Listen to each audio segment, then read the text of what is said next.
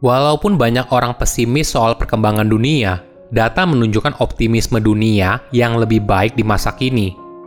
Halo semuanya, nama saya Michael. Selamat datang di channel saya, Sikutu Buku.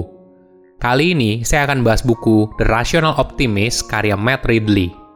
Sebelum kita mulai, buat kalian yang mau support channel ini agar terus berkarya, caranya gampang banget. Kalian cukup klik subscribe dan nyalakan loncengnya. Dukungan kalian membantu banget supaya kita bisa rutin posting dan bersama-sama belajar di channel ini. Buku ini membahas bagaimana kita bisa melihat dunia dengan sudut pandang yang optimis sekaligus rasional. Selama lebih dari 200 tahun, kaum pesimis mendominasi pembicaraan di publik. Mereka bersikeras bahwa segala sesuatunya akan segera menjadi jauh lebih buruk daripada di masa lalu. Namun nyatanya, hidup menjadi lebih baik dan dengan kecepatan yang semakin cepat ketersediaan pangan, pendapatan dan harapan hidup terus meningkat, sedangkan penyakit, kematian anak, dan kekerasan menurun di seluruh dunia. Kehidupan modern tidak bisa dibandingkan dengan kehidupan kuno.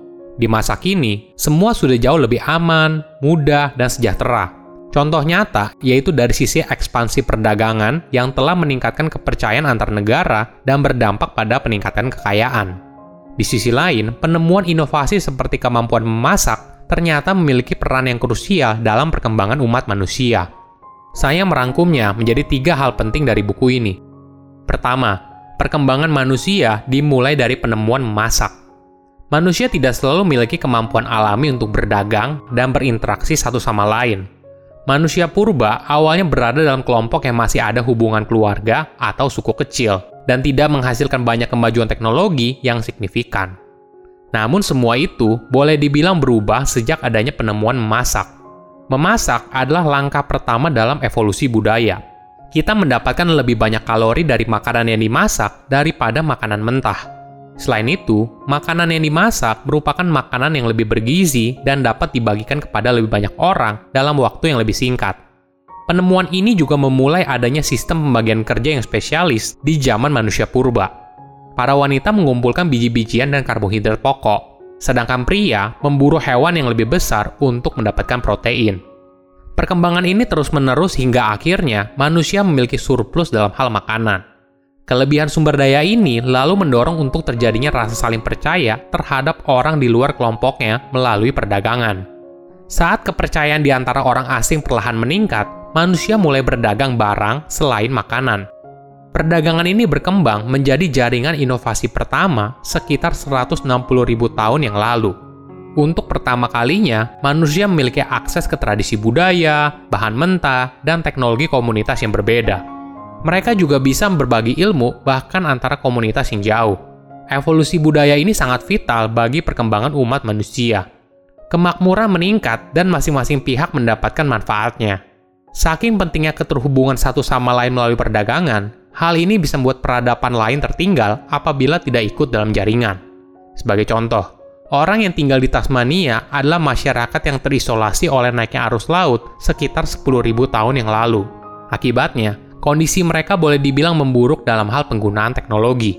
Mereka lupa cara membuat kail, tombak berduri, dan pakaian cuaca dingin. Mereka tidak memiliki teknologi yang maju seperti yang dimiliki oleh orang yang ada di daratan. Oleh karena itu, perdagangan adalah ciri evolusi awal terpenting bagi perkembangan manusia. Sebuah komunitas akan mendapatkan manfaat dari pengetahuan kolektif dari berbagai komunitas, sehingga membuat mereka berkali-kali lebih produktif. Kedua, perdagangan meningkatkan kemakmuran.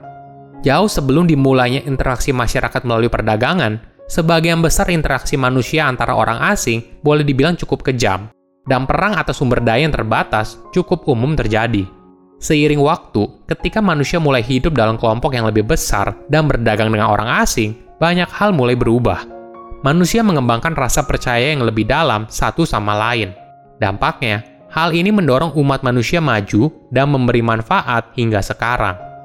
Ada yang perlu kita sadari bersama. Terlepas dari apa yang ada di berita dan mungkin buat kita percaya, data menunjukkan dunia merupakan tempat yang lebih aman untuk hidup dengan ukuran yang paling objektif. Perlu disadari, ketika terjadi sebuah kekerasan dan menjadi sebuah berita, justru karena hal itu sangat jarang. Sebaliknya, keamanan yang kita nikmati sehari-hari tidak menjadi berita, karena hal itu sangat lumrah. Hubungan antara perdagangan dan tingkat kepercayaan terbukti nyata adanya karena di tempat di mana perdagangan berkembang pesat, kepentingan pribadi berkurang dan standar hidup meningkat. Masyarakat dengan tingkat kepercayaan antar sesama yang tinggi juga merupakan kunci untuk akumulasi kekayaan di masa depan. Masyarakat dengan tingkat kepercayaan yang tinggi umumnya lebih kaya daripada masyarakat dengan tingkat kepercayaan yang rendah. Pada tahap berikutnya, kemakmuran berperan penting dalam membantu menumbuhkan budaya kerjasama dan penghormatan individu. Contohnya begini, di Norwegia, negara yang relatif kaya, lebih dari 65% orang mengatakan bahwa mereka percaya satu sama lain. Sementara di Peru, negara yang relatif miskin, hanya 5% penduduk yang mempercayai sesama warganya. Ketiga, perkotaan mendukung pertukaran ide dan inovasi. Kota-kota pertama muncul sekitar 7.000 tahun yang lalu di sepanjang rute perdagangan di Mesopotamia. Di sana, barang dari berbagai belahan dunia dipertukarkan. Masyarakat berbondong-bondong ke jalur perdagangan ini untuk mendapatkan anggur, logam, minyak zaitun, gandum, wool, atau barang lain yang tidak dapat mereka peroleh di wilayah mereka tinggal.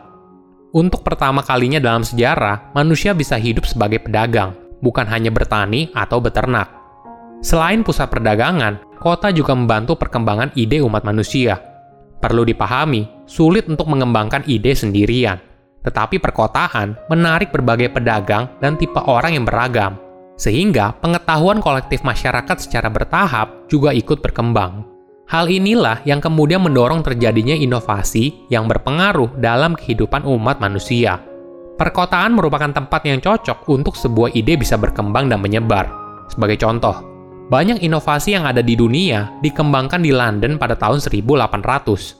Ledakan inovasi ini bukan karena orang yang tinggal di London lebih pintar daripada orang yang tinggal di daerah lain, namun karena kota tersebut banyak menarik manusia berbakat dari berbagai belahan dunia. Walaupun buku ini bicara soal optimisme, tapi di sisi lain, pesimisme juga punya manfaat. Pada dasarnya, baik pesimis maupun optimis memiliki peran masing-masing dalam masyarakat. Orang pesimis memperingatkan masyarakat tentang potensi bahaya, dan orang yang optimis memimpin jalan menuju masa depan. Masyarakat yang hanya terdiri dari orang optimis akan membawa kita pada kehancuran. Sekelompok masyarakat yang hanya berisi orang pesimis akan berhenti berkembang. Tidak ada era di masa sebelumnya di mana dunia merupakan tempat yang lebih aman, makmur, dan sejahtera. Perkembangan perdagangan dan perkotaan mendukung terjadinya pertukaran ide dan inovasi yang bermanfaat bagi dunia. Silahkan komen di kolom komentar pelajaran apa yang kalian dapat ketika baca buku ini. Selain itu, komen juga mau buku apa lagi yang saya review di video berikutnya. Saya undur diri, jangan lupa subscribe channel YouTube Sikutu Buku. Bye bye.